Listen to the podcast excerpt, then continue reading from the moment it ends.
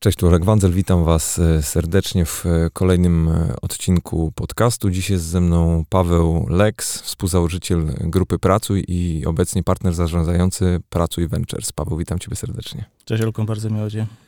Prze przede wszystkim, bo, bo tak jako, że już troszeczkę rozmawiamy i, i, tych, i tych ścieżek, w które możemy pójść jest, jest kilka, ale miałem takie jedno, jedno, jedno pytanie, które mi gdzieś chodzi po głowie od paru dni i, i bardzo chcę Ci je zadać. Mianowicie, mm, jak to jest być po tej drugiej stronie e, pieniądza, bo e, dotychczas e, jako grupa Pracuj to raczej w was inwestowano, teraz wy inwestujecie i zastanawiam się, jak, ta, jak te twoje półkule mózgowe musiały się w jakimś stopniu zmienić, żeby, żeby, żeby do, tego, do tego shiftu doszło. Wiesz co, jest to z jednej strony przyjemne, z drugiej strony bardzo trudne. Ponieważ rola przedsiębiorcy, tego przysłowiowego entreprenera, ma inny zupełnie fokus na rzeczywistość, aniżeli e, rola venture kapitalisty. E, I ja historycznie, jeszcze na studiach studiowałem finanse i, zarządzanie. Chciałem być bankierem inwestycyjnym. Później przez dobre 18 lat byłem przeszczęśliwy, że byłem po drugiej stronie. Miałem okazję obserwować i pracować z bankami inwestycyjnymi, ale tymi, które obsługiwały grupę Pracuj i transakcje grupy Pracuj. W tej chwili, co prawda w dużo mniejszej skali, ale jestem po drugiej stronie. Szukam przedsiębiorców i, i chyba nauczyłem się bardzo dużo czego szukać e, i w co wierzą finansiści, jak patrzę na to rynek. Z drugiej strony pozostaje we mnie bardzo duża nić przedsiębiorczości. Jak widzę ciekawy pomysł, fajnych ludzi, to szczerze mówiąc bardzo często chciałbym z nimi usiąść i zacząć działać, ale to nie jest moja rola w tej chwili. Ale to jest też coś, co nas odróżnia trochę od przeciętnych funduszy.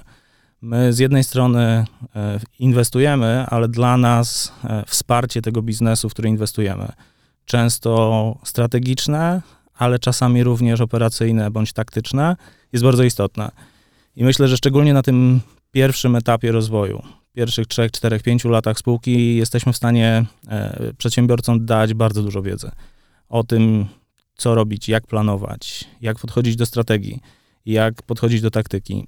I to jest coś, co pozwala mi zarówno pracować z nimi głęboko w biznesie, rozumieć ten biznes, e, przechodzić te same bolączki, które oni przechodzą, których klientów obsługiwać, których nie, w którym kierunku powinniśmy się rozwijać. I to jest ten element bycia przedsiębiorcą, na co mówimy tak, na co mówimy nie e, którego nauczyłem się przez 18 lat i nie, nigdy nie jesteś w tym najlepszy, ale mam dużo więcej doświadczenia niżeli oni.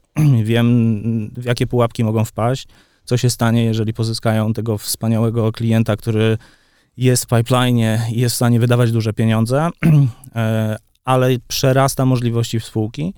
E, z drugiej strony wiem też, jak działają finanse, na co nas stać, e, do czego musimy dojść, żeby pozyskać kolejną rundę albo stać się rentowni. I jest to bardzo ciekawa przygoda. E, takie łączenie dwóch światów, e, no dla mnie jest to fascynujące i, i, i zupełnie nowe możliwości odkrywania meandrów biznesu, będąc trochę po jednej, trochę po drugiej stronie. Bo wspomniałeś o, o, tym, o tej umiejętności dostrzegania określonych rzeczy i tej wiedzy, czego szukać. I zastanawiam się, czy z Twojej perspektywy i z tego doświadczenia, które nabyłeś, no, budując, czy współbudując duży biznes, czy są jakieś rzeczy, na które patrzysz inaczej, albo jakieś określone rzeczy, których szukasz wśród takich młodych przedsiębiorców, czy powiedzmy młodych stażem? Na pewno, jest ich bardzo dużo. E, no oczywiście podstawowymi to jest ich wiedza i pasja o tym, co robią. E, zaangażowanie, wiara w, w sukces, aczkolwiek wiara też nie może być ślepa.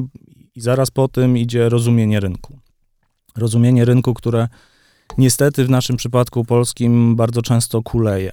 Rozumienie, co to jest market sizing, co to jest określenie grupy docelowej, co to jest e, total addressable market, co to jest e, serviceable market, e, do kogo my realnie produkt kierujemy, jakie są nasze USP, czyli Unique Selling Points, te najważniejsze wartości, które płyną z produktu, mm, to jest coś, czego szukam. Jeżeli ludzie to rozumieją, potrafią skupić się na konkretnej wybranej branży czy niszy, tam rozwijać swój biznes, rozumieć, że nie można podbić od razu całego świata, że wszelkiego rodzaju dodatkowe źródła pozyskiwania pieniędzy od klientów, którzy nie są E, tymi głównymi klientami, do których kierowaliśmy, są, są des, disrupcyjne dla biznesu, to znaczy one odciągają nasz fokus z tego, na czym powinniśmy w tej chwili się skupiać. Mm, I przedsiębior są przedsiębiorcy, którzy potrafią bardzo ładnie modelować swoje myślenie, co jest dla nich, e, e, co nie wspiera rozwoju ich biznesu, a co wspiera. Więc poszukiwanie takiego ja bym powiedział, umysłu, który jest w stanie powiedzieć nie i powiedzieć tak, jasno zdefiniować sobie w głowie, co chce zrobić przez najbliższy rok, półtora roku, bo nie mówimy tu o długich perspektywach na takim wczesnym etapie. E, I czemu mówimy definitywne nie? Nie zrekrutujemy tam ludzi, nie inwestujemy tam pieniędzy, nie próbujemy podbijać tam świata, a na czym się skupiamy, to jest bardzo istotny element osobowości przedsiębiorcy, której, której szukam. A czy jak przypomnisz sobie y, te wasze etapy, to, to identyfikujesz jakieś takie jedno konkretne nie, które powiedzieliście i faktycznie z perspektywy czasu widzicie, że to był w ogóle taki punkt przełomowy albo moment, który był faktycznie bardzo istotny, bo jednak wśród młodych przedsiębiorców bardzo popularny jest ten, taka sytuacja, że masz że bardzo dużo tych, wiesz, świecidełek po, po, całym, e, po całym rynku rozłożonych i każdy byś chciał złapać i najlepiej wszystkie w jednym czasie. Zastanawiam się, czy, czy u was historycznie był taki moment jeden. Mieliśmy taki moment, mieliśmy kilka takich momentów e, i w zasadzie muszę powiedzieć, że przy każdym procesie planowania przechodzimy takie momenty, w którym jasno definiujemy sobie, czego nie będziemy robić. E, pierwszym takim momentem, zawsze na początku funkcjonowania firmy, jest pewne eksperymentowanie. Szukanie tych najlepszych dróg. Myśmy jako grupa Pracuj zaczynali od e, drukowanych publikacji dla studentów z profilami pracodawców. E, I to był nasz core biznesu wtedy. E, za chwilę później pojawił się serwis internetowy, który uzupełniał tą ofertę, który e, przedstawiał podobne treści bądź te same treści w internecie, czyli jakby do troszeczkę innej grupy.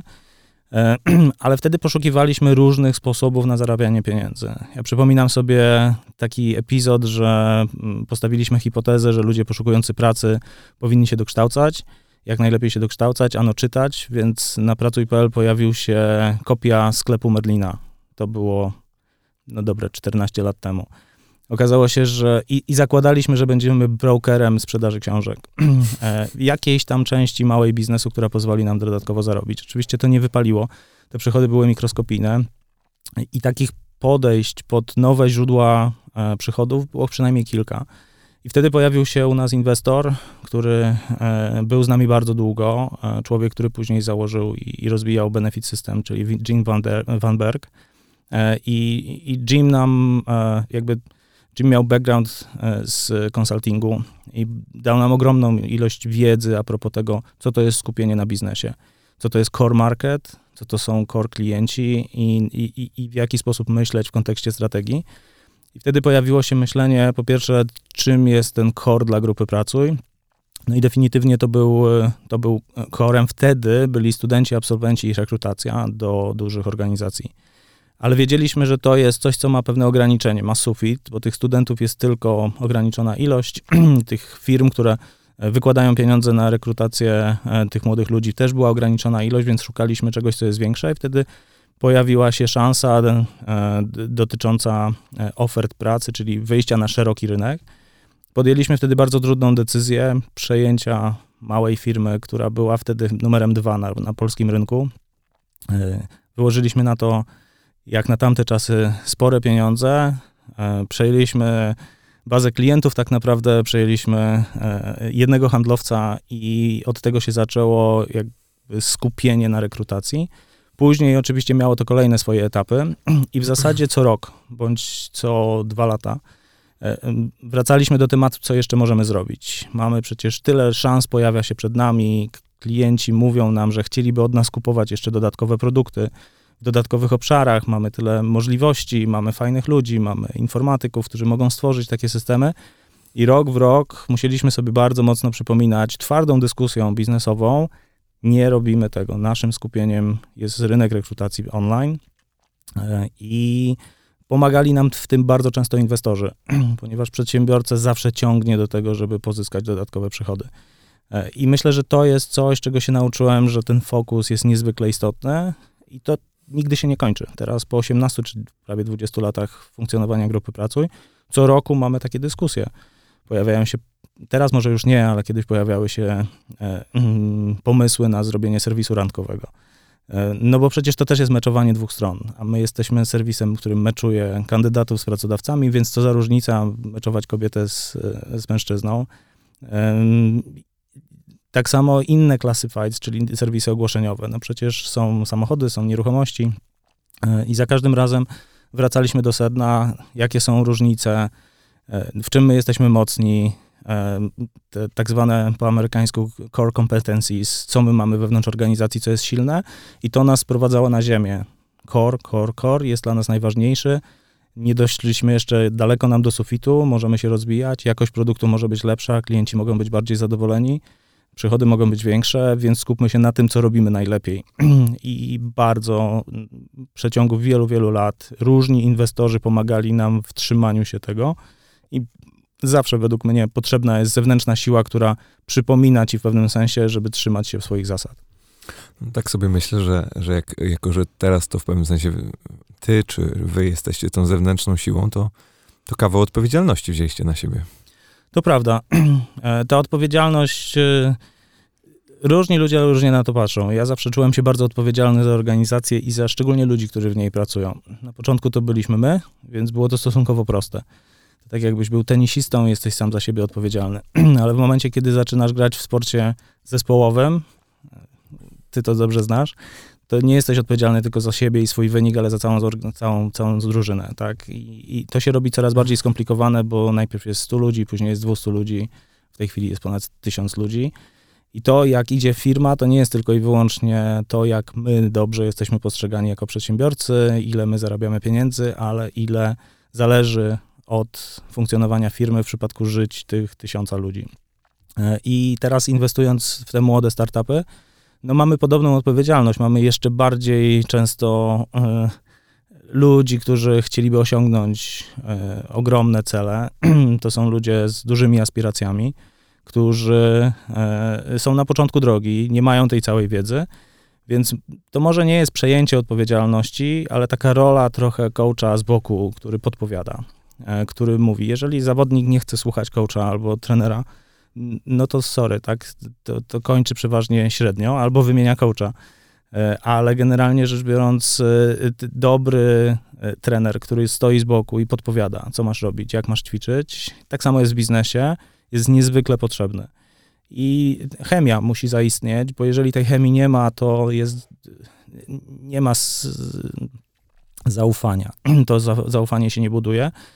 My jesteśmy w stanie to zaufanie na początku przynajmniej zbudować przez pryzmat naszego sukcesu, ale to jest ulotne, więc później bardzo mocno musimy siedzieć i pracować z tymi ludźmi, żeby utrzymać to zaufanie i żeby oni widzieli, że to, jakim doradzamy i co im sugerujemy, e, my nigdy nic im nie każemy robić. To są ich decyzje. E, przynosi wymierne efekty w stosunkowo krótkim czasie, a niektóre porady przynoszą efekty dopiero po wielu miesiącach takie jak e, konstrukcja zespołu, e, jak zrekrutowanie odpowiednich ludzi, e, jak wsparcie się osobami lepszymi od siebie, to też jest bardzo często duży problem w przedsiębiorcach, którzy na początku uważają, że oni wiedzą wszystko, jak najlepiej robić, a bardzo szybko muszą się nauczyć, żeby wspierać się ludźmi, którzy są silniejsi od nich w konkretnych kompetencjach, sprzedaż, produkt, marketing, logistyka, cokolwiek to jest. I no i to jest pewna odpowiedzialność, żeby dobrze im doradzić, ale z drugiej strony to oni są odpowiedzialni za biznes i my zawsze to podkreślamy. My dzielimy się najlepszą wiedzą, jaką mamy. Przyniesiemy wam do stołu, czy przyprowadzimy do stołu ludzi, którzy zjedli na tym swoje zęby, pracują w biznesie wiele lat. Oni wam powiedzą, jak to się robi, jak to się robiło w innych firmach, ale do was należy decyzja, jak będzie funkcjonowała wasza organizacja. Tak? Jeżeli z tego potraficie czerpać, to na pewno wyniesiecie z tego korzyść. Jeżeli będziecie e, no, po prostu uważali, że wiecie więcej i lepiej, no to może różnie pójść, tak? Znam przykłady, gdzie oczywiście entreprenerzy potrafili podjąć własne decyzje i wychodziło to na dobrze, ale jednak jest to mniejszość przypadków. No, tu, no bo tutaj zawsze jest ten, ten aspekt intuicja versus jakieś tam doświadczenie i, i tak. tego, co się realnie da, da, da, da, zbudować. Zwróciłem uwagę na to, co powiedziałeś a propos jednego z waszych inwestorów, który miał też background w, w consultingu. I to też jest rzecz, nad którą ja się wiele czasu ostatnio zastanawiam, i czy, czy w ogóle konsultanci są w stanie wnieść wartość do na przykład startupu albo szybko wzrosto, rosnącego biznesu i jak tak, to, to jaką? Bo mm, z jednej strony no, są to zazwyczaj osoby czy podmioty nauczone bardzo określonych tradycyjnych branży, z drugiej strony też wiemy, że te tradycyjne branże są dzisiaj bardzo często z dnia na dzień wywracane do góry nogami przez właśnie te podmioty i, i zastanawiam się, czy, czy jak wy dzisiaj y, pracujecie ze startupami, doradzacie, to czy czy ten aspekt taki właśnie też konsultingowy jest brany pod uwagę? Nie, przeważnie są to zbyt małe firmy, żeby można mówić o wprowadzeniu konsultantów czy wiedzy konsultanckiej, ale z mojego punktu widzenia odpowiedź trochę brzmi tak i nie, ponieważ konsulting jako taki ma bardzo dużo fajnych frameworków do pracy, które bardzo mocno upraszczają proces myślenia o pewnych rzeczach strategicznych proste macierze rozrysowujące e, jakieś podstawowe problemy biznesowe potrafią e, e, zmienić zupełnie sposób patrzenia, tak? I, I, mówię o rzeczach najbardziej prozaicznych typu SWOT, czyli silne, mocne strony zagrożenia z rynku, czy, czy rzeczy sprzyjające, ale takich frameworków jest bardzo, bardzo dużo. I teraz jeżeli konsultant to nie jest człowiek, który będzie próbował zastosować framework do zaplanowania strategii małego przedsiębiorstwa, tylko będzie dawał narzędzia, które pozwolą rozwiązać pewne problemy i pokazywał, w jaki sposób możecie skorzystać z tego albo z tego narzędzia, żeby zrozumieć, co się u was w biznesie realnie dzieje. Nie na czuja, nie, nie, nie, produkt się sprzedaje, no, tak? Klienci są zadowoleni. No i teraz jak wygenerować wzrost? I teraz trzeba zrozumieć właśnie, jaki jest rynek, gdzie my sprzedajemy, gdzie my gramy, do kogo sprzedajemy, jak posegmentować ten rynek, e, jakie cechy charakterystyczne dla poszczególnych segmentów istnieją. To jest rzecz, z którą większość młodych przedsiębiorców nie do końca sobie radzi, bo, bo oni uważają, że jeżeli klient chce kupić, to trzeba mu sprzedać. To nie zawsze jest prawda. I teraz framework, czy jakieś narzędzie, które pozwala zmapować rynek i pozwala zrozumieć, gdzie są nasze mocne strony, gdzie jest największy rynek, gdzie jest najmniejszy rynek, e, jaki jest proces sprzedaży, ile będzie trwała sprzedaż, jaki jest koszt pozyskania klienta versus ile ten, ten klient u nas zostawi, jaki jest poziom zadowolenia klienta versus z jednego obszaru versus drugiego i co, jest na, co gra na naszą korzyść, a co nie. To są rzeczy bardzo przydatne. I teraz jeżeli e, konsultant zewnętrzny, doradca jest w stanie dać adekwatne narzędzia do adekwatnej sytuacji, to to na pewno przedsiębiorcy bardzo pomaga. Tylko problem polega na tym, że konsultanci zazwyczaj są przyzwyczajeni do pracy na bardzo dużych modelach, na bardzo dużych organizacjach i ciężko im jest zastosować adekwatne narzędzie do, do, do sytuacji małej firmy, która jest niesamowicie dynamiczna.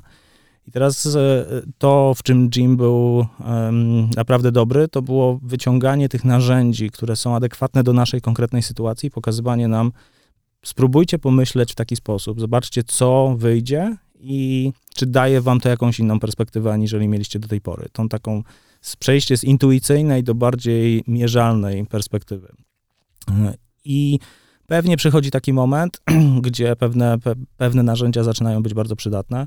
No my na przykład staramy się rekomendować firmom e, wprowadzenie takich rutyn strategicznych dotyczących planowania, określania celów, rewizji celów, e, żeby nie działać w ślepo i intuicyjnie cały czas, żeby narysować sobie jakąś przewidywalną przyszłość, postawić sobie jakieś cele, określić, co my chcemy osiągnąć, w którym obszarze, to pomaga zdefiniować, na kim się skupimy, na której części rynku, na których klientach, co my chcemy dowieść, jaki produkt, a nie jest to takie czysto intuicyjne, no przyszedł klient, mówi, że kupi, ale chce, żebyśmy dorobili jeszcze coś takiego, no to dorobimy.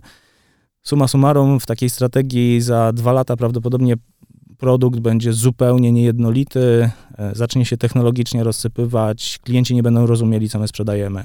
E, jeżeli wprowadzić odpowiednie narzędzia i usystematyzować to, można jakby naszkicować taką przyszłość, która nie wcale nie musi być zapisana w, w, w, tablicach e, kamiennych, tylko po prostu na papierze. Papier zawsze można zmienić, dlatego rewizja planów jest istotna, ale pod, pozwala sfokusować się na konkretnych rzeczach i właśnie odpowiedzieć sobie na pytania, co my będziemy robić, a czemu, czemu mówimy definitywne nie? No to jest też um, ta różnica pomiędzy strategią a taktyką, nie? Tak. Bo też, też zauważyłem, że, że robisz tą um, rozróżnienie i mi się wydaje, że bardzo często osoby szczególnie mm, nie mające doświadczenia e, w biznesie, nie, nie rozróżniają tych rzeczy, a, a to na przykład w sporcie jest bardzo, bardzo klarowne. Tam widzisz po prostu, że masz bardzo jakiś określony plan na, na ten sezon albo, albo, albo na ogólnie swoją karierę i wiesz, gdzie chcesz dojść za jakiś tam okres czasu i masz bardzo, ale masz z kolei bardzo określoną taktykę na ten kolejny, na ten konkretny mecz, która ma po prostu tobie zmaksymalizować szanse do, osiągnięcia, osiągnięcia tego celu. Ale e, interesuje mnie strasznie, strasznie jedna rzecz, bo mieliście wiele etapów na, na etapie rozwoju waszej grupy i zastanawiam się, jak patrząc na rynek rekrutacyjny, na, na rynek HR-owy, jaką widzisz mm, jakąś gałąź albo, albo segment tego rynku, albo jakąś innowację, czy, czy coś nowego, co, co jest dla ciebie takie ekscytujące i faktycznie tam przede wszystkim szukacie tych biznesów nowych? Wiesz co, jako fundusz przeanalizowaliśmy w zasadzie większość obszarów HR-u, które zostały w takiej systematyce określone jako w miarę wyodrębnione. My posługiwaliśmy się może nie tyle metodologią, co pewną systematyką rynku HR, którą przygotowuje Josh Bersin, człowiek, który przez wiele lat był guru, czy dalej jest guru e, HR Techu w Stanach Zjednoczonych, pracował w Deloitte, e, w tej chwili jest e, niezależnym konsultantem. I on co roku przygotowuje taki raport trendów i obszarów, które rosną, które nie. Generalnie rzecz biorąc w HR rośnie prawie wszystko. Tylko są tematy, które są gorące, czyli hot, e, ale wcale jeszcze nie potwierdzone. Są tematy, które mm, może nie rozwijają się tak super dynamicznie, typu 100-200% e, rocznie, ale są systematycznie, generują coraz większe zainteresowanie, coraz większe przepływy pieniężne.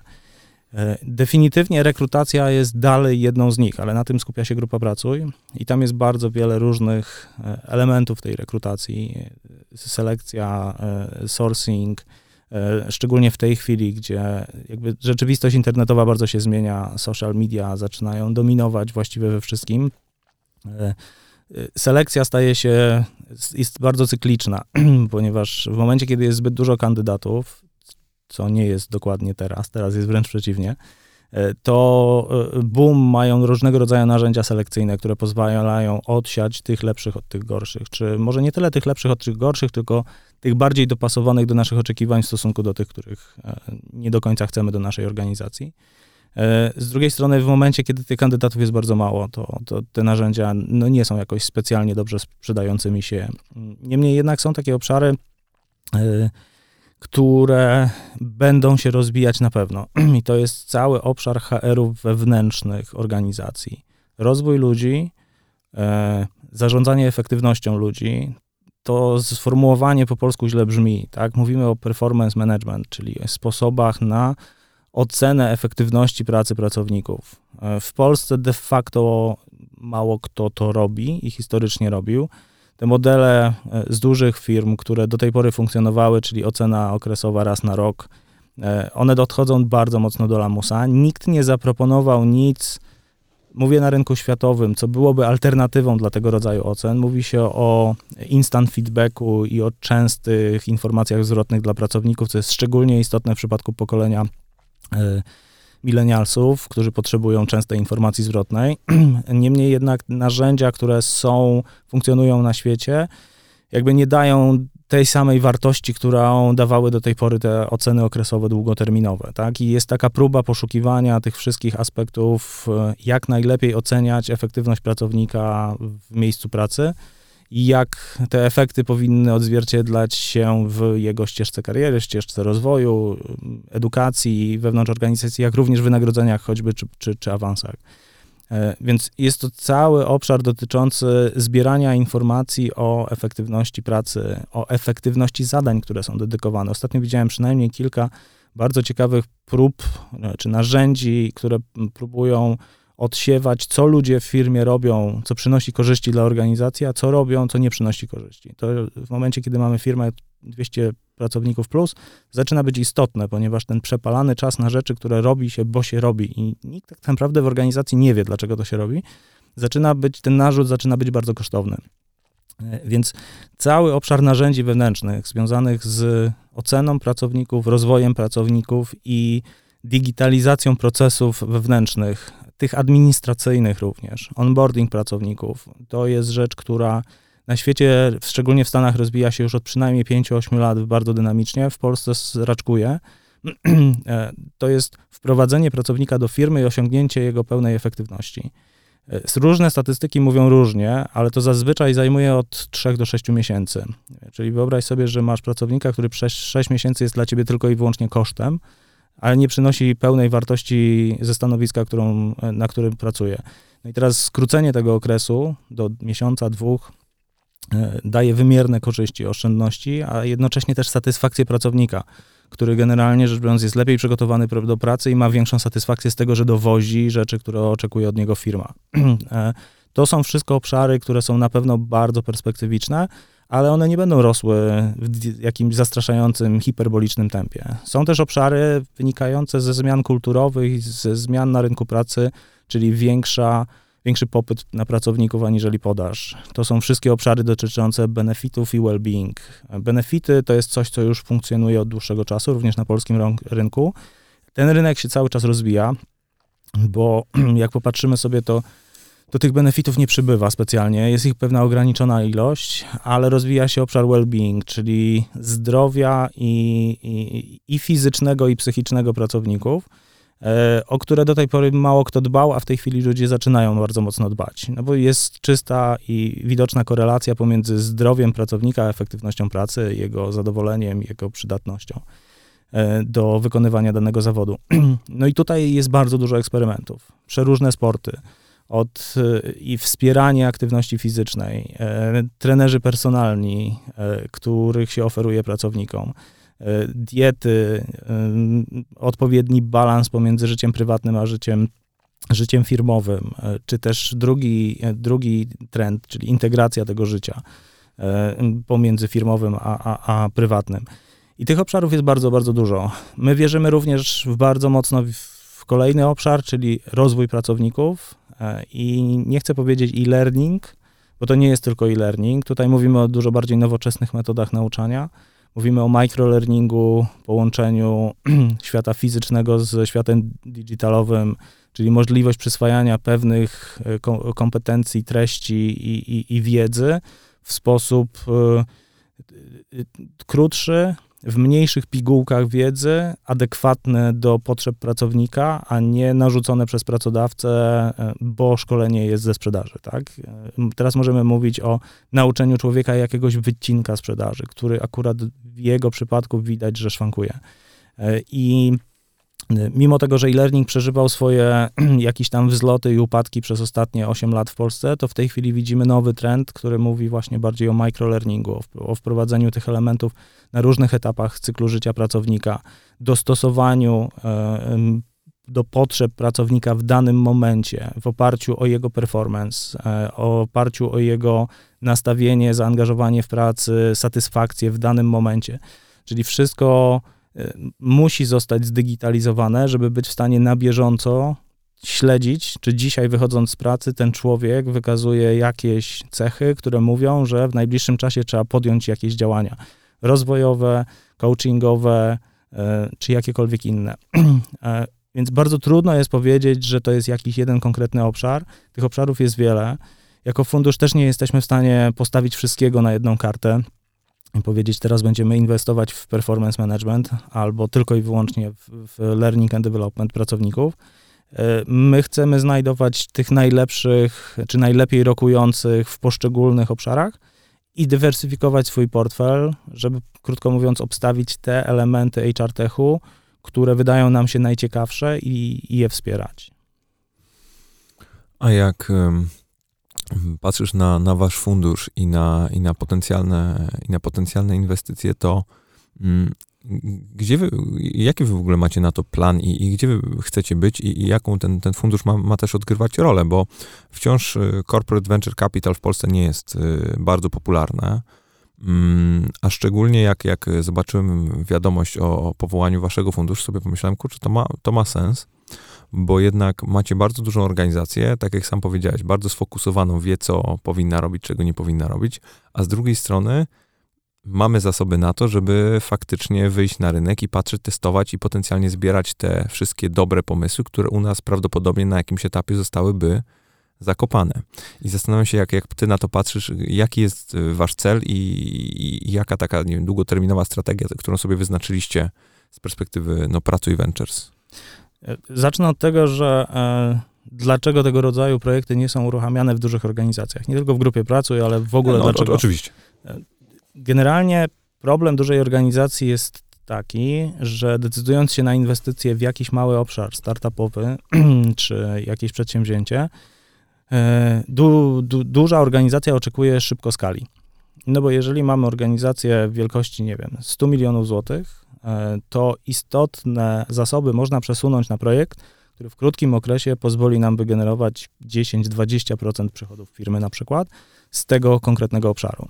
Teraz E, niezależnie na jakim rynku się działa i czy jest się Intelem, Googlem czy Pracuj.pl, e, to wygenerowanie w ciągu dwóch, trzech lat biznesu, który ma 20% e, warto, przynosi 20% wartości całego dużego biznesu jest prawie nierealne. Nikomu się to nie udaje.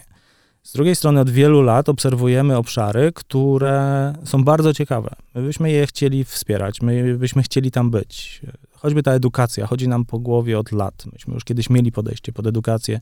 Prowadziliśmy taki serwis edupracuj.pl i edulandia.pl z informacjami o rynku edukacyjnym dla zarówno e, e, ludzi, którzy skończyli studia, a edulandia.pl była dla ludzi, którzy są de facto policją i, i szukają swojego dalszego e, rozwoju i, i zastanawiają się, w, w którym kierunku pójść.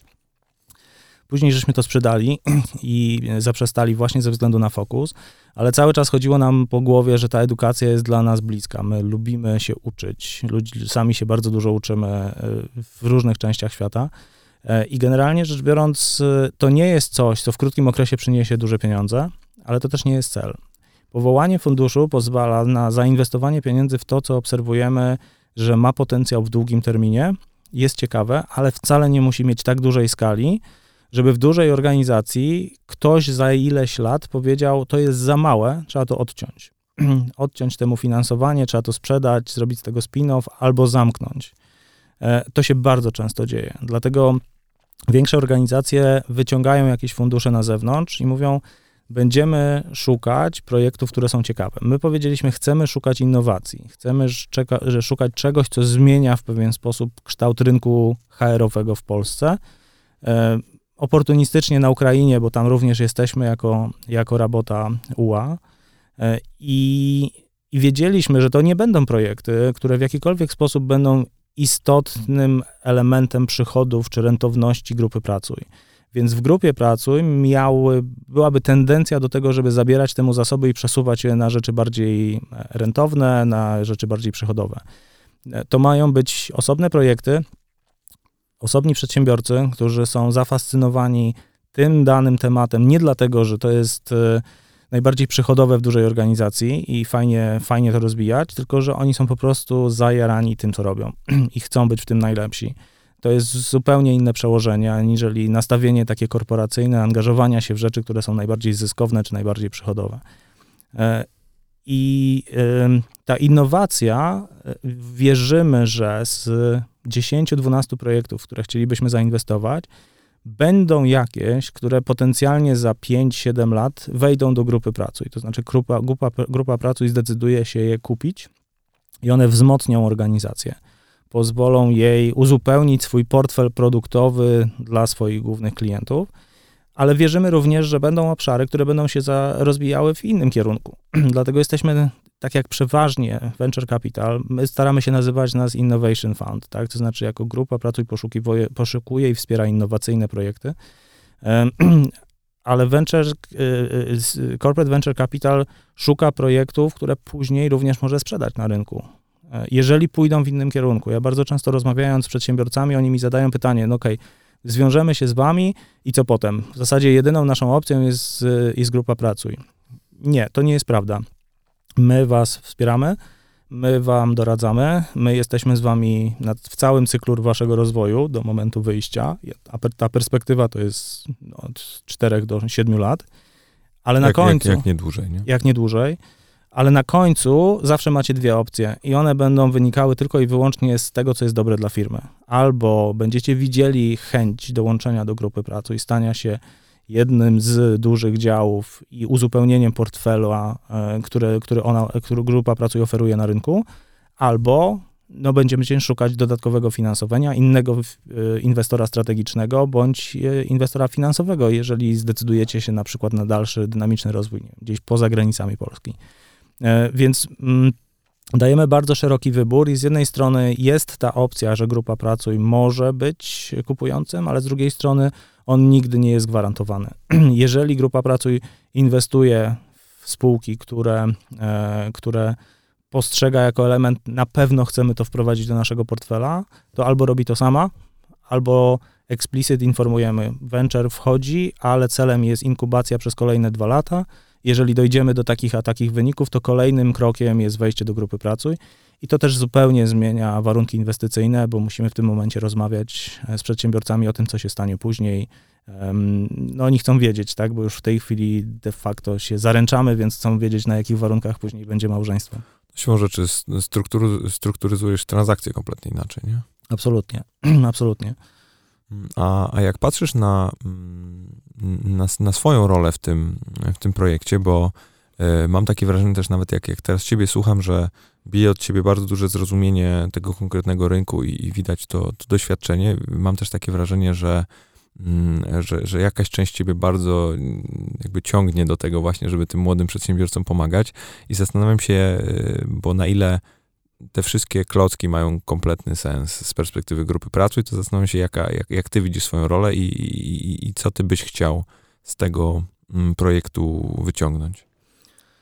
E, ja powiem tak, e, przez 14 lat byłem bezpośrednio w grupie Pracuj, tam się bardzo dużo nauczyłem. Później e, zająłem się projektem, który Pracuj.pl zdecydowało się inkubować, to znaczy Emplop, które miało być takim HCM-em, czyli Human Capital Management na rynku polskim dla małych i średnich przedsiębiorstw. I przez 5 lat rozwijałem spółkę, która de facto stała się jednym z większych polskich graczy, ale w pewnym momencie grupa pracy zdecydowała, że skala tego biznesu w Polsce będzie zbyt mała, żeby było to dla niej interesujące. E, I ja sam trochę byłem w dualnej roli, bo byłem członkiem zarządu grupy pracy i byłem szefem tego biznesu e, i musiałem podjąć decyzję, czy to, co robię sam, e, jako szef biznesu, jest dobre dla grupy pracy. To też mnie bardzo dużo nauczyło, bo zaczęliśmy tworzyć organizację bardzo odrębną, która trochę korzystała z zasobów i wsparcia grupy pracy, ale było to mikroskopijne wsparcie. W zasadzie byliśmy zdani na samych sobie, czyli startup z pieniędzmi korporacyjnymi, z dużymi wymaganiami od e, spółki matki i popełniliśmy mnóstwo błędów. Sam się bardzo dużo nauczyłem, jak prowadzić młodą spółkę, jak szukać rynku, jak określać grupę docelową. E, I z jednej strony trochę rzeczy nam wyszło dobrze, ale popełniłem bardzo dużo błędów. Teraz e, to było dosyć trudne doświadczenie w momencie, kiedy zdecydowaliśmy, że nie kontynuujemy tego. Spółka przetrwała, niemniej jednak w tej chwili w dużo mniejszej skali została przejęta przez e, innego gracza na rynku. E, I, i, będzie rozwijana. Ja tam jakieś niewielkie procenty udziałów mi zostały w tej spółce, ale nie jestem zupełnie w nią zaangażowany, ale później zrobiłem sobie taką krótką przerwę, krótką, trzy miesiące, na przemyślenia, co poszło tak, co poszło nie tak, co ja chciałbym teraz robić. E, I stwierdziłem, że to, w czym czuję się dobrze, to jest identyfikowanie tych projektów, które mają na rynku potencjał. E, a to, co mogę im dać, to jest całe moje doświadczenie, zarówno wynikające z rozwoju samej Pracuj.pl, e, z tym, że wiele osób, które pracuje w Pracuj.pl od dłuższego czasu, przeszło ścieżkę od małej, średniej do dużej firmy. I teraz przeskoczenie z powrotem do doradzania małej firmie jest bardzo trudne. Ja miałem ten epizod ostatnich pięciu lat, w których w zasadzie zaczynałem małą firmę. Więc y, dla mnie doradzanie młodym startupom jest łatwiejsze, ponieważ wiem, z czym oni się na bieżąco borykają. Dokładnie to samo robiłem dwa razy w życiu, a w zasadzie to nawet trzy razy w życiu. E, I, I, chciałbym tą wiedzę im przekazywać. To, co jest fajne, to najtrudniejszą rzeczą w biznesie jest praca z ludźmi. Jest to najprzyjemniejsza rzecz, ale jednocześnie najbardziej wycieńczająca, bo jest ta odpowiedzialność za ludzi, o której mówiłeś, czy o której rozmawialiśmy wcześniej. Jest odpowiedzialność za biznes, naszą wspólną przyszłość. Jeżeli ktoś się z tobą wiąże, no to dlatego, żeby również zrobić coś ciekawego w życiu, coś fajnego, ale chce też na tym zarobić, chce zarabiać pieniądze, chce, chce osiągnąć sukces. Więc jest to odpowiedzialność. Teraz to, co jest super, to ja tą odpowiedzialność mam trochę gdzie indziej za pieniądze inwestorów, między innymi swoje, czy grupy Pracuj. E, mogę wspierać, ale trochę mniej emocjonalnie wspierać tych młodych przedsiębiorców, bo ja tam nie siedzę i ja nie muszę robić tych rzeczy. Mogę patrzeć z zewnętrznej perspektywy, która ma bardzo dużą przewagę. To znaczy, nie jesteś w ogniu walki, więc widzisz więcej, trudno jest wyjaśnić ludziom, że czegoś nie widzą, bo płomienie i dym zasłania im oczy, ale to jest bardzo fajne wyzwanie, żeby pokazywać im perspektywę rynkową, zewnętrzną, strategiczną i nakierunkowywać, gdzie wy powinniście i w którym kierunku iść i o czym powinniście teraz myśleć. E, I to, co widzę akurat w przypadku wszystkich projektów, w których już jesteśmy zaangażowani, to, że ci ludzie bardzo dużą wartość z tego widzą. E, I to nie jest kwestia tylko i wyłącznie takich bardzo operacyjnych rzeczy. Lepiej zróbcie to tak, bo to po prostu nie będzie działać. Tych bardzo, te bardzo strategiczne rzeczy, myślenie długofalowe, um, operowanie na, na, na poziomie rynku docelowego, e, wartości płynącej z produktu, e, co my chcemy osiągnąć, jaką satysfakcję klienta z tego produktu, jaką wartość chcemy mu dać, jak będziemy ją mierzyć. To są rzeczy, które oni, o których oni nie mają czasu myśleć w tej operacyjnej pracy, a praca z nami pozwala im zrozumieć, jak to jest istotne, długofalowo istotne. Pięciu zadowolonych klientów jest więcej wartych, aniżeli dziesięciu średnio zadowolonych klientów. I skalowanie przyjdzie później. Na razie szukamy product market fit i satysfakcji klienta, wartości dla klienta, którą możemy jasno iść i każdej roli w organizacji dużej, która od nas kupuje, powiedzieć dla CFO, to jest return on investment, które uzyska skorzystając z naszego narzędzia to jest wartość dodana drogi menadżerowie, menadżerze, którzy, który będziesz używał tego na co dzień. Pracowniku to jest rzecz, którą ci dajemy. E, I to jest dla mnie super wyzwanie w tej chwili. E, z jednej strony e, trochę bardziej bycie po tej, po tej stronie finansowej, modele finansowe, budżety, planowanie, modelowanie biznesowe, próba zrozumienia, gdzie, co od czego zależy. Tak prozaiczna rzecz jak używam dużo anglojęzycznych rzeczy, ale ciężko znaleźć w Polsce odpowiedniki, te key drivery biznesu, czyli te kluczowe mierniki biznesu, które e, ciągną ten, ten biznes do przodu. Poszukiwanie tego, co jest tym key driverem w danym biznesie, jest niezwykle trudne i bardzo często ludzie podejmują decyzję, no wygląda na to, że to. Okazuje się, że to wcale nie jest to e, i przez to rozpływa im się pewna, pe, pewna wizja i pomaganie im w zdefiniowaniu i wykrystalizowaniu tej strategii, tych mierników, e, to na co patrzeć, kogo zatrudniać, e, z kim pracować, to jest rzecz, która mnie fascynuje bardzo mocno, a z drugiej strony pozwala mi trochę siedzieć jednak z boku i nie być operacyjnie już zaangażowanych, no bo praca w startupie to jest coś, co dzieje się 24 na 7 i w zasadzie jak widzę wielu tych młodych przedsiębiorców, to podziwiam ich, ile czasu spędzają na, na, na pracy i myśleniu o tym swoim przedsiębiorstwie. E, a czy w ogóle zdarza ci się rozmawiać z, z tymi potencjalnymi przedsiębiorcami albo z, w ogóle z, z młodymi osobami, które, które planują ten biznes rozwijać czy, czy zakładać, o tym twoim doświadczeniu właśnie na styku pracuj i, i, i employ, tych, i tak naprawdę stanu emocjonalnego, w jakim się znalazłeś, bo jestem w stanie sobie wyobrazić, że będzie to bardzo podobna sytuacja, w której ci młodzi ludzie potencjalnie mogą się znaleźć. Tak. Tak, rozmawiamy o tym. Zresztą wielu przedsiębiorców. Tu sprostuję jedną rzecz. Ostatnio okazuje się, że, e, że rynek startupów i młodych firm to nie tylko młodzi ludzie. Coraz częściej Oczywiście. widzę ludzi, którzy prowadzą biznesy różnego rodzaju albo pracują w dużych biznesach i decydują się na założenie coś, czegoś swojego. I to jest wspaniałe, ponieważ na całym świecie widać, że ludzie dopiero po 35-40 roku ży e, życia potrafią zakładać naprawdę ciekawe biznesy i rozwijać je jeszcze długofalowo. E, I to bardzo cieszy. Jednym słowem, nie jest za późno. Nie jest za późno, nigdy nie jest za późno. Trzeba mieć po prostu trochę energii jeszcze i chęci. E, ona często też wynika z, ze znudzenia, tak? Już mam dosyć tego, co robiłem do tej pory. E, mm, rozmawiamy o tym, bo oni o to pytają. Znaczy, wszyscy wiedzą, że było coś takiego jak Emplo. wszyscy wiedzą, że grupa pracująca zainwestowała tam spore pieniądze. E, słyszałem kiedyś e, taki komentarz rynkowy, bo nikt nie wie, ile tam pieniędzy zostało zainwestowane, ale że to był jeden z najdroższych polskich startupów i jaki, jaki powstał. I pytają, co się stało, dlaczego tak się stało. I jednym z moich wyjaśnień jest to, słuchajcie, na całym świecie, szczególnie w Stanach Zjednoczonych czy krajach anglosaskich, prawdziwego przedsiębiorca, przedsiębiorcę poznasz po tym, nie tylko ile sukcesów uzyskał, ale ile razy się przewrócił i wstał. E, I mnie się udało kilka rzeczy ciekawych zrobić. Oczywiście nigdy nie było to samemu, zawsze było to z kimś. E, założycielem grupy pracy jest Przemek, więc to ja jestem tym obok Przemka i pomagającym mu od zawsze. E, ale generalnie rzecz biorąc, udało mi się również przewrócić i nie dowieść tego efektu, który chciałem. To znaczy, postawiłem sobie zbyt ambitne cele i nie udało mi się ich dowieść. E, grupa stwierdziła, że nie jest to to, o czym myśleliśmy. Więc mając to doświadczenie, jestem w stanie po pierwsze powiedzieć wam, gdzie nie popełnić błędów, ale z drugiej strony ja z nimi również pracuję nie wprost, ale na poziomie emocji. Ja próbuję zrozumieć, w jakim oni są stanie emocjonalnym. Jeżeli ludzie są przegrzani emocjonalnie, nie pracują efektywnie. Jeżeli ktoś chce za mocno, i znowu pewnie wrócę do analogii, ja nie byłem, nie miałem kariery sportowej, aczkolwiek jako młody człowiek bardzo dużo grałem w kosza w Polsce, w Stanach Zjednoczonych i, i myślałem o karierze sportowca, więc sporty zespołowe są dla mnie bliskie i wiem, jak można się przegrzać, jeżeli się za bardzo czegoś chce, tak? E, I, i wtedy nic nie wychodzi i wtedy się nie da.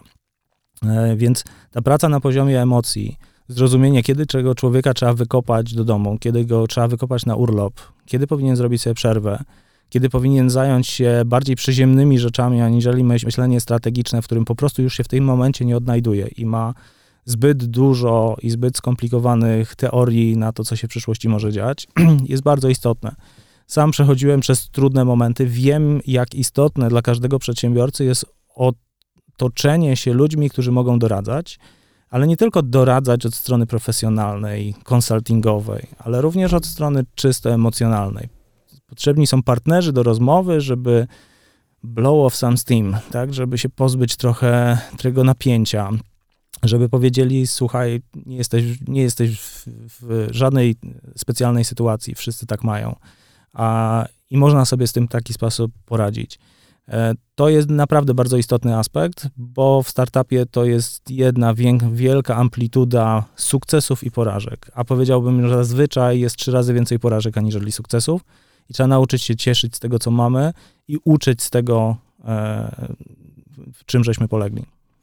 A jak patrzysz na, na siebie e, z perspektywy czasu i, i widzisz ten moment, w którym mogliście sobie w ramach grupy wszyscy spojrzeć w oczy, przybić piątki i powiedzieć, słuchajcie, zrobiliśmy kawał dobrej roboty, bo, bo na pewno był, był taki jeden moment albo ich, ich kilka na jakichś tam etapach, to zastanawiam się, czy mm, ten moment wyglądał tak, jak spodziewałeś się, że będzie wyglądał, czy jednak dopiero z perspektywy czasu widzisz, że on wtedy był, a, a kompletnie wtedy nie, nie, zarejestrowałeś, że doszło do takiego momentu, w którym mogłeś sobie powiedzieć, kurczę, to jednak zbudowaliśmy coś fajnego.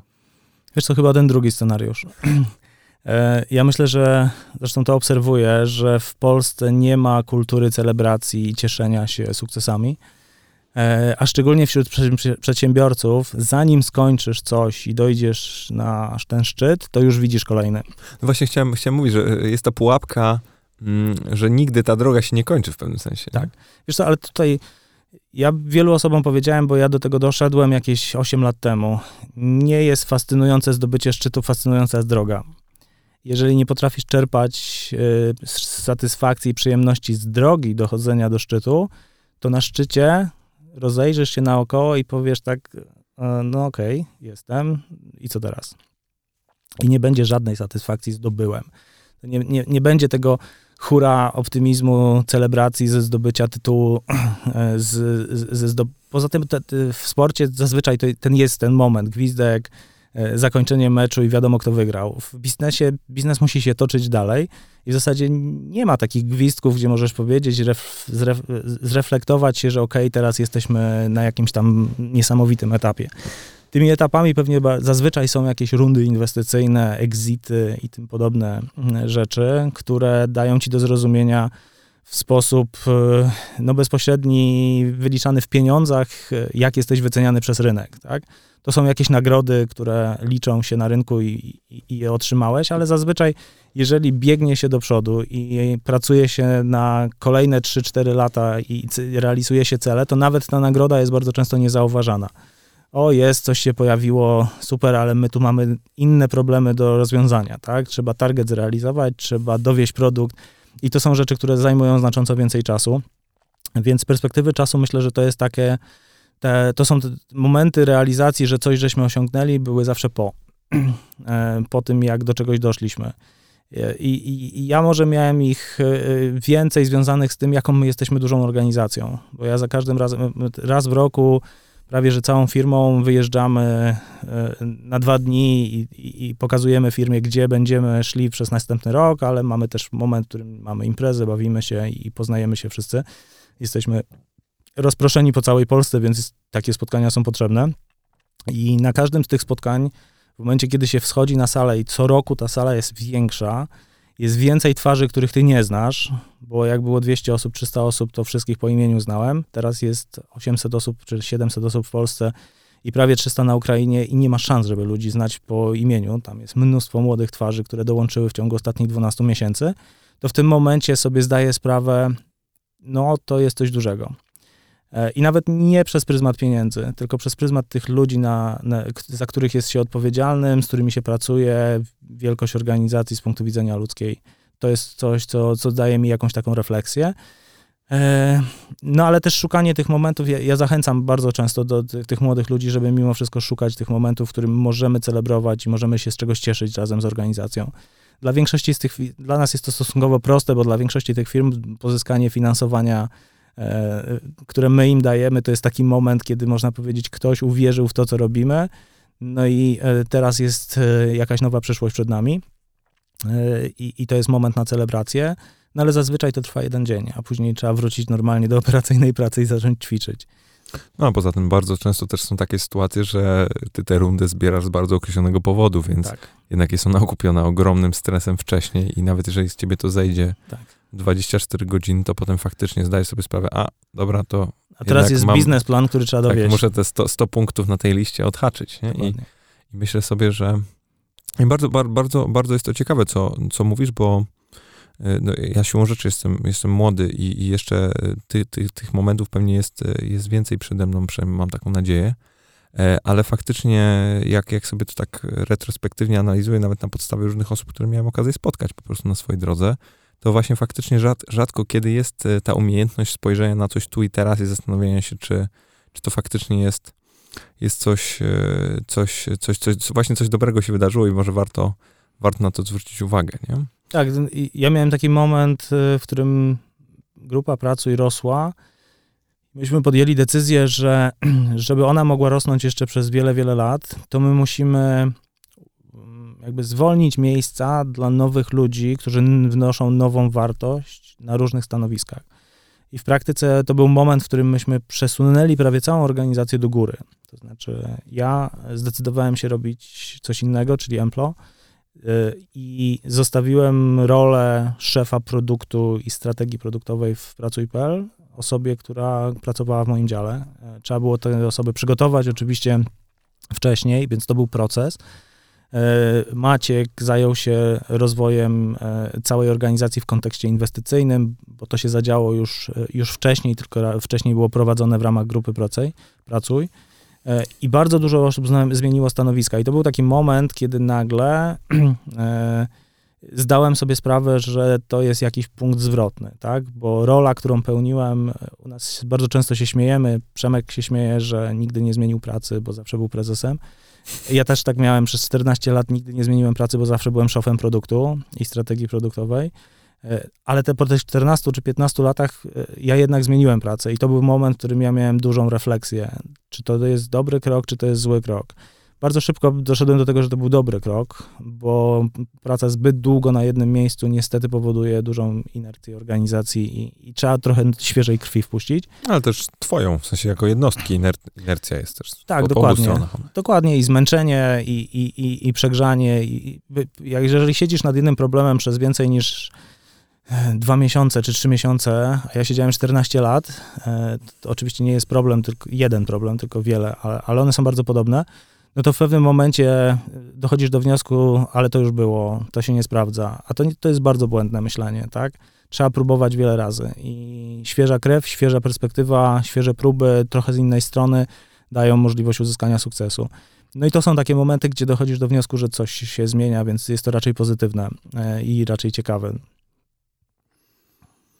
A jak, e, jak patrzysz na, na siebie i na, i na swój e, rozwój, jeżeli chodzi o wiedzę związaną z, w ogóle z zarządzaniem ludźmi, z ludźmi w organizacjach, ludź, ludźmi w pracy, to miałeś jakieś takie źródła, albo nie wiem, książki, filmy, albo, albo coś, co faktycznie twoje postrzeganie wywróciło i, i byś to polecił wszystkim osobom, które chcą tak naprawdę ten human capital, jeżeli można tak powiedzieć, zrozumieć troszeczkę lepiej? Wiesz co, ja miałem dużo takich etapów, na których dowiadywałem się czegoś nowego i to odwracało w pewien sposób moje patrzenie, y, z tym, że nigdy nie próbowałem w ślepo stosować tej nowej maksymy czy nowej wiedzy, którą, się, którą, którą nabyłem. Y, I to niezależnie, czy jest to wiedza dotycząca strategii, czy jest to wiedza dotycząca inwestycji, finansowania, czy zarządzania ludźmi. I, I, ja wychodzę z założenia, że trzeba najpierw pewne rzeczy przetestować. Zrób testy AB, zobacz, czy co się sprawdza lepiej, a co się sprawdza gorzej. E, I dopiero po tym, jak, jaki jest efekt i jak ty się z tym czujesz, e, to dopiero wprowadzaj zmiany bardziej globalnie.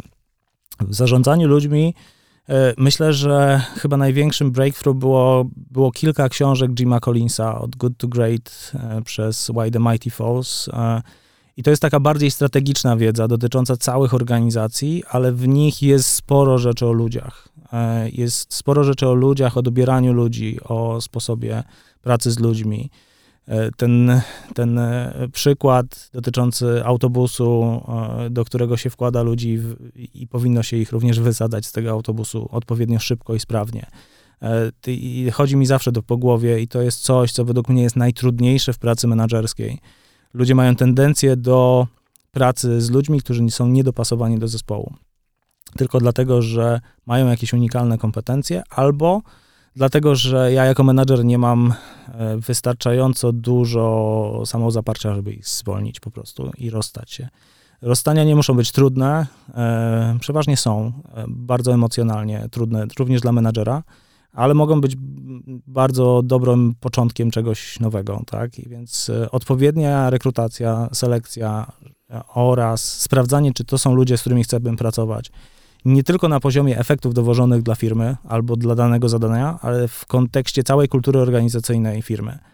E, tego się nauczyłem bardzo szybko, że są jednostki, które mają niesamowite kompetencje i wiedzę, ale ich pojawienie się w firmie rozwala całkowicie zespół. E, I myśmy wiele, wiele lat temu podjęli decyzję, że dla nas istotniejsze jest dopasowanie ludzi do kultury organizacyjnej, żeby cały zespół działał dobrze, aniżeli zatrudnienie tej jednostki, która rozwali wszystko. Znowu od razu mi się budują porównania sportowe, gdzie mamy wspaniałych piłkarzy czy koszykarzy. Ale, ale to jest, zresztą wydaje mi się, że to jest bardzo, bardzo dobre porównanie, bo tam szczególnie jeszcze ten wpływ na potencjalny jakiś wynik jest dużo bardziej krótkoterminowy. To widzisz od razu, bo jednak w, w biurze jesteś w stanie to wiesz, zakamuflować i się dowiedzieć Dokładnie. o tym przy jakiejś tam rewizji, czy celów, czy strategii. Dokładnie. E, więc e, e, Jim Collins dał mi dużo do, do, do, do myślenia a propos ludzi. Później było to sporo rozmów i doświadczeń bardziej osobistych z innymi menadżerami i z innymi ludźmi zarządzającymi w dużych, średnich organizacjach, w różnych organizacjach. Ja miałem to szczęście, że my w miarę wcześnie podjęliśmy decyzję o tym, że jedną z rzeczy, która przynosi nam korzyści, jest uczenie się od lepszych od nas. Więc jeździliśmy po całym świecie, mieliśmy fajnych inwestorów, którzy nas ściągali do Stanów e, i, i przedstawiali e, no, absolutnie unikalnym ludziom z wierchuszki świata biznesu e, i mieliśmy okazję rozmawiać z biznesmenami, z przedsiębiorcami, z politykami, z coachami sportowymi, z ludźmi ze świata, jakby to powiedzieć, służb militarnych, którzy dawali nam bardzo ciekawe perspektywy patrzenia na pracę z zespołem. E, ja pamiętam e, wystąpienie jednego, czy, czy, czy rozmowę później jednego coachów z NCCA, w, w NCAA, przepraszam, Ligi e, Studenckiej w Stanach Zjednoczonych koszykówki, który opowiadał nam, jak on pracuje z ludźmi, tymi młodymi, którzy, którzy tam grają, mają oczywiście ogromne ambicje, żeby trafić później do NBA. I te, te, tak powiedziałbym, dwie godziny czasu spędzone z nim, z człowiekiem, który, o ile pamiętam, zyskał osiem tytułów najlepszej drużyny w Stanach Zjednoczonych, z dwoma różnymi zespołami przez 8 chyba consecutive years. Dało mi więcej myślenia o pracy z ludźmi na poziomie emocji, na poziomie ich ambicji, na poziomie ich rozwoju, aniżeli jakiekolwiek szkolenia dotyczące zarządzania ludźmi. E, kolejnym przykładem były, były takie bardzo nietypowe osoby. Człowiek, który założył e, ruch MySQL, czyli, czyli open source'ową bazę danych z którym kiedyś poznałem się w Londynie i który opowiadał, w jaki sposób ta organizacja rosła i w pewnym mia momencie miała kilkadziesiąt tysięcy ludzi pracujących nad jednym produktem w 58 krajach świata, którzy nigdy w życiu się ze sobą nie widzieli, a byli w stanie efektywnie to rozwijać. I pierwszym momentem, kiedy oni się spotkali, nie wszyscy razem, ale większość z nich zjechało się do jednego momentu, to było chyba jak Sun Microsystems zainwestował w, w, w, czy przejął ich E, to były spotkania właśnie z generałami amerykańskich e, armii, którzy opowiadali nam, jak były stworzone e, zespoły między różnymi jednostkami do walki z, z terrorystami. To są wyzwania ludzkie, e, różne ego, różne kompetencje, ludzie, którzy muszą razem pracować. E, to są bardzo ciekawe doświadczenia, które jeden do jeden może nie mają za dużo wspólnego z przełożeniem na, na pracę z ludźmi, ale jeżeli głębiej się nad nimi zastanowić i zrozumieć, to mają ogromne znaczenie i mogą się bardzo fajnie przełożyć na pracę z zespołem, rozumienie dynamiki zespołu, rozumienie ambicji zespołu, rozumienie ról w zespole, e, różnych osobowości, ludzi spokojnych, cichych, krzykaczy, e, introwertyków, ekstrawertyków, jak ich dobierać, jak e, konstruować zespoły. Mm, ta wiedza była, no, jakby ona się budowała przez lata. Takich breakthrough, jakichś wielkich, może, mo, może więcej z książek nie było, ale to było bardzo wiele takich małych rozmów, krótkich, które dokładały pewne kamyczki do jakby kompletu wiedzy, którą, którą, którą zbierałem przez lata. A, a w ogóle masz jakiś e, sposób magazynowania tej wiedzy swojej? Wiesz co, nie, ja jestem osobą, która e, no, robi takie notatki sobie, że jak wychodzę ze spotkania, to mam zamazaną i zarysowaną kartkę różnymi kwadracikami, prostokącikami, kreskami i, i, i różnymi rzeczami. Jak później na to spojrzę, to zazwyczaj wiem, o co chodziło. I to nawet po pół roku. Niemniej jednak większość tych rzeczy magazynuje się w mojej głowie. I to jest to działa w taki sposób, że 80% tej wiedzy znika. E, ja wiem, że znikło to, co było dla mnie najmniej wartościowe, a te 25% zostaje i, i gdzieś jest głęboko we mnie. E, ja sobie robię różne oczywiście notatki na, na, na, boku, takich rzeczy, które są dla mnie istotne. Próbuję sobie robić pewne checklisty, e, czy układać pewne checklisty w różnych procesach, które są powtarzalne. Niemniej jednak ja lubię pewien poziom e, dowolności, tak? Nie lubię się trzymać bardzo frameworków różnego rodzaju, które mówią zrób A, B, C, D. W strategiach biznesowych jest to przydatne, ale też trzeba wiedzieć, gdzie jest warsztat, gdzie jest finezja. Samym warsztatem można dojechać daleko, ale jeżeli pojawia się jeszcze finezja i ta, ta, ten element takiej dowolności, który pozwala wyjść poza pudełko i zrobić coś w sposób nietypowy, no ja zawsze tego szukam, bo to jest ten prawdziwy fan. A, a, a teraz, jak już y, no, jesteś na kompletnie innym miejscu i w innym momencie swojej tej ścieżki przedsiębiorczej, to, mm, to, to, to jaki masz taki, nie wiem, cel, marzenie albo, albo jakoś taki, jakiś taki rzecz, którą byś bardzo chciał zrobić, albo rolę, którą chciałbyś w, w społeczeństwie odgrywać, bo zdaję sobie sprawę, że no, że pewnie zajmuje ci to dość sporą część twojej głowy i się nad tym zastanawiasz. Zastanawiam się, czy my, myślę, czy, czy tam to już jest w jakimś stopniu ukonstytuowane, czy, czy jeszcze nie. Wiesz co, ja zawsze łapę się na tym, że mam więcej pomysłów, żeby zrobić coś nowego y, i że przez lata było tak, że jeżeli złapałem jakiś pomysł i on chodził za mną przez więcej niż miesiąc, to ja musiałem go zacząć robić. Cokolwiek to było. Jeżeli to był nowy produkt, to ja wykładałem za skórniaki i, i, i wynajmowałem programistę, który ze mną siedział po godzinach i to robił, tak? E, I jeżeli to było jakieś inne rzeczy, to starałem się doprowadzić do tego, żeby to zaistniało. E, łapałem się również na tym, że nigdy nie poświęcałem temu wystarczająco ilość, wystarczającej ilości czasu i energii. Zawsze to był taki side project. I te, te rzeczy, które robiłem w grupie pracy były istotniejsze. I przez lata się nauczyłem, że te, te, te, te pomysły, one może są fajne, ale ja muszę być przekonany, że chcę je robić na 100%, bo inaczej nie ma sensu ich robić. To jest y, tylko i wyłącznie dla własnej satysfakcji włożenia do szuflady. Nie jestem osobą, która pisze wiersze do szuflady, ani tworzy produkty czy biznesy do szuflady. E, więc w chwili obecnej doszedłem do tego, że chyba rola, w której jestem obecnie, jest dla mnie najbardziej dopasowaną rolą, jaką mam. I obserwując, rozmawiając z ludźmi o ich biznesach, pojawia mi się w każdym miesiącu mniej więcej jedna, dwa pomysły, co można by fajnego zbudować. I to nie jest kopia tego, co oni robią, tylko to jest inspirując się powiązaniem różnych rzeczy, coś zupełnie nowego. Ale za każdym razem, jak siadam i stwierdzam, dobra, to czy ja jestem w stanie poświęcić to, temu 100% czasu, to, to patrzę sobie, jakie ja dałem zobowiązanie swoje do obecnego mojego, powiedziałbym, pracodawcy, czy do, do, do obecnych wyzwań, które, które podjąłem, czyli Pracuj Ventures plus, plus jeszcze Grupa Pracuj, w której wspieram e, zarząd od strony różnych działań strategicznych e, czy rozwojowych. E, czy ja jestem w stanie w tej chwili, jestem w sytuacji rodzinnej i, i, i, i, osobistej, takiej emocjonalnej, żeby po prostu wyjść i 100% czasu poświęcić na to coś nowego? I dochodzę do wniosku, że nie. I nauczyłem się mówić nie. Może za 4, 5, 6 lat, w momencie, kiedy Pracuj Ventures będzie już raczej wychodziło z, ze swoich inwestycji, zobaczymy, czy będzie kończyło działalność, bo może się okazać, że to będzie na tyle e, duży sukces, że będziemy to kontynuować E, ale to może będzie moment, w którym będę chciał zrobić coś swojego e, nowego. Na dzień dzisiejszy czuję się bardzo komfortowo w sytuacji, w której jestem i w roli, w której jestem, i wydaje mi się, że chciałbym się bardziej spełnić w dzieleniu wiedzą z młodymi przedsiębiorcami, doradzaniu im, e, i to jest coś, co przynosi mi naprawdę mega dużo przyjemności. No to jakbyśmy tak mieli tą naszą rozmowę jakoś, jakoś taką klamrą spiąć, to masz jakąś taką, nie wiem, myśl albo, albo przemyślenie, albo jakiegoś rodzaju coś, z czym byś chciał mnie i, i, i wszystkich naszych docelowych słuchaczy zostawić, albo coś, nad czym my mielibyśmy się zastanowić? Wiesz co, ja, ja myślę, że Główną rzeczą, którą, do której chciałbym, żeby ludzie, nad którą chciałbym, żeby ludzie się zastanawiali, to jest, że nigdy nie jest za późno na to, żeby zrobić coś fajnego.